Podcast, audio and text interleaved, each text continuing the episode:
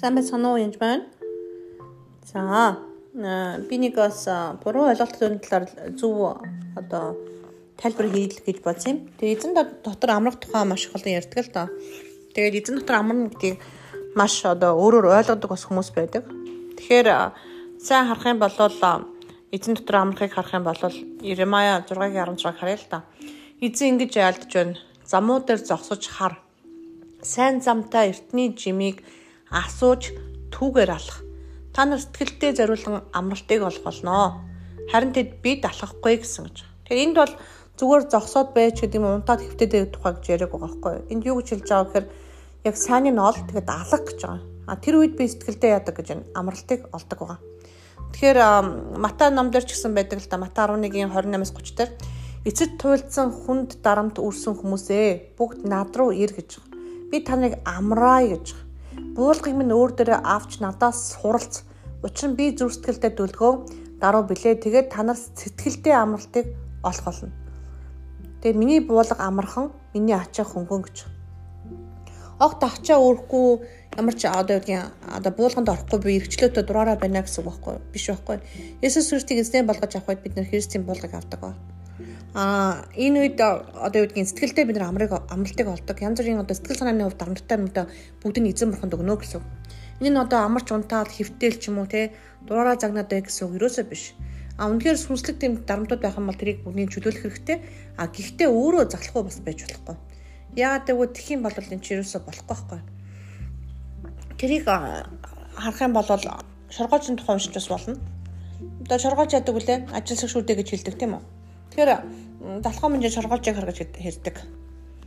Тэгэхээр тэрийг унших юм бол ер нь бол ингээд харъя л та. Сургаалт үгс 6-гийн 6-аас 11. Сургаалт үг 6-гийн 6-аас 11. Тэгэхээр би та бүхнийг ер нь одоо миний подкастыг сонсохдоо болж игэл бас өөртөө бивс дараагаа хийгээд хараад тэгээд уншвал их зүгээр А залхам эн чи яв шоргоолж юу гэдгийг ажиглан хар. Ухаантай бай гэж байгаа. Тэр бидний бурхан маш хөдөлмөрч бай гэж хэлсэн байхгүй.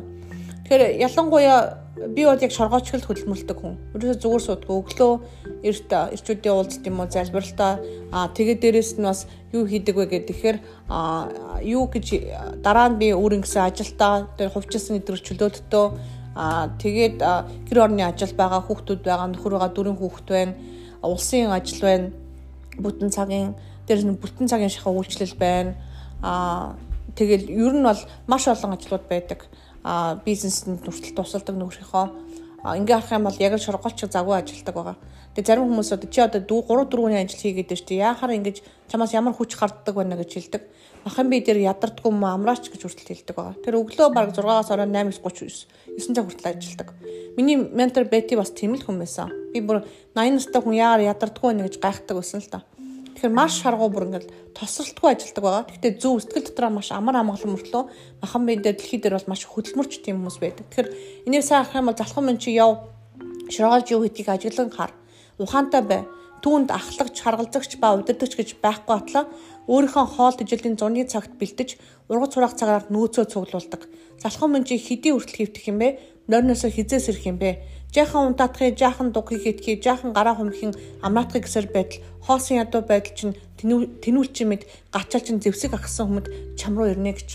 Тэр үнэхээр өөрөө залхуу байх юм бол Шний одоо цөлмөг сүнстэй ч юм уу тийм юмнаас болоод би ингэж ах шиг байна ч гэдэм үү хүмүүс байдаг л да. Ингээд сайн харахаар эсийн яг замаар буюу тэр нөгөө төлөвлөсөн зам дээр зогсож чадаагүй байдаг нэгдүгээрт нь а эсвэл өөрөө бас залахгүй байдаг. Бүх юм мэдээж сүнслэг юмнууд бүгдээрээ сүнслэг юмнууд байгаа боловч нөгөөх нь бас махан бие дээр бид нар ажиллаж явах явдал маш чухал байгаа. Залхуугүй үнээр хичээнгүй ажиллах явдал маш чухал. Эзний сүнсээр эзний хүчээр бас ажиллах явдал чухал байгаа. Тэгээд яадаг гэж энэ хоосон ядуу байдал танар руу ирнэ гэж байгаа байхгүй. Тэгэхээр жаахан унтаатгай жаахан дугахад дугхигээ тэг гэж ятал чинь бүх юм чинь болохоо очно гэж байгаа. Тэгэхээр ургац хураах цагаар нөөцөө цуглуулдаг байх ёстой. Дээрээс нь өвөл цаг ч юм уу хэцүү бэлтгэл одоо хэцүү цаг ирэхэд бэлтгэлсэн хураасан мөнгөтэй ч юм уу хадгаламжтай байх ёстой. Энэ бол энгийн зүйл. 100 хоолд жилээ бэлдэх явдал ч гэсэн энгийн зүйл байгаа. Тэгэхээр бид нэр яг энэ цаг мөчид би 1-р Петр 4-7-оос уншия. Бүх юмсийн төсгөл ойр ирчээд байна. Тиймээс зөв шүүн тунгааж залбиралтаа ирүүл байх туваа гэж хэлж байгаа. Тийм учраас бид бас гэрэл зөв амьдралыг бол үнэхээр сонгох хэрэгтэй Аа тэгээд сүнсэн дотроо ч эрүүл байх ёстой. Махан бие дээр сэтгэл санаа ч гэсэн эрүүл байх ёстой. Тэгэхээр сэтгэл санааны хувьд амралтыг эзэн Есүс Христ дотор олдог байгаа. Тэр нь амарна гэдэг нь болохоор залхуураад хөвтөд гэсэн үг. Өөрөөсөө биш сүнсэн дотроо амралтыг авдаг боловч махан бие дээр бид нар яг үнэхээр шоргоолчиг ажилд сурах хэрэгтэй. Гэтэ зөв зөв зам дээр а зүгээр зөв зам дээр бежиж амралтыг олдог. Зөв зам дээр биш худлаагаасаа махан биеийг худлаа заваагаал ямар ч үр жимсгүй одоо үр ашиггүй тэгж байх юм бол бас зөв биш Тийм болохоор яг үнэхээр мөгийн ухаантай тэгсэн мөртлөө зөв хөдөлмөрлөх явдал үнэхээр чухал байгаа шүү. Тэгээд хүн хүн харахаар хийдэг, хүн харахгүй болохоор хийдгүү ч гэдэг юм уу. Хүн таалагдгаж хувийн ашиг сонирхлоор одоо сүнслэг ажлуудыг хийх ч юм уу. Тэх нь бол ерөөсөө зөв зүйтэй биш. Яг эзний хүслээр Бурхны хаанчлалд ажиллаж байгааг ерөөсөө мартаж болохгүй. Бурхан таныг хүү хийж байгаа бүх зүйлийг чинь хардаг. Үнэхээр тэр шагналыг чинь мартахгүй хизээч Аа тэгээ таны хөдөлмөр бүрийг үнэхээр ахмын сүлд нь галаар шалгагддаг байгаа гэдгээрээс мартаж болохгүй шүү. Тэгэхээр үнэхээр ариун сүсээр хүзүү хөдөлмөрлөхгүй бол галаар шалгагдах үед одоо цаасан байшин барьсан унчвал бол аюултай. Тийм үс үнэхээр галаар шалгагддаг ажил хийж байгаа гэдгээрээс мартаж болохгүй. Тэгээ дуралдаанд гүйж байгаа гэдгээс мартаж болохгүй шүү. Тэгэхээр үнэхээр зөв бас хөдөлмөрлөөрөө шаргуу дайчин байгаараа гэж би бас хэлмээр байна энэ цаг мөчид. Танд баярлалаа.